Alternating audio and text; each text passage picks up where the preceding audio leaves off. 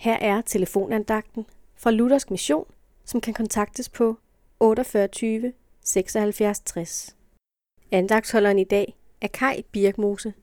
I Salmernes bog, kapitel 104, vers 24, står der, Hvor er dine værker mange herrer, du har skabt dem alle med visdom, jorden er fuld af dit skaberværk.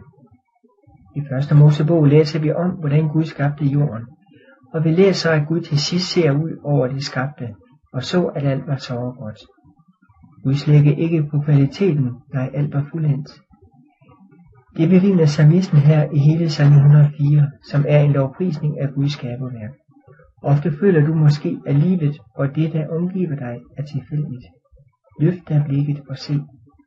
Se på alt det skabte. Tæl stjernerne. Hold et lille nyfødt barn i dine arme, og du vil ane, at disse vers står mål med sandheden. Og Gud så, at alt var godt, læste vi. Jamen, så start da med at takke din skaber, og tak først, fordi han har skabt dig.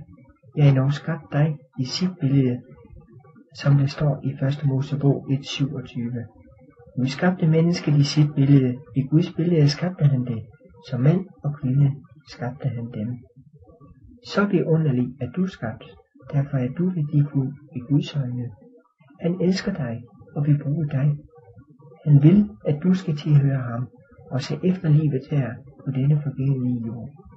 Derfor kan du også i dag rette dine øjne mod himlen og takke for, at Gud skabte os og jorden, og glæde dig til den dag, der alt skal blive fuldendt, og en ny himmel og en ny jord skal skabes, og vi leve sammen med Gud altid.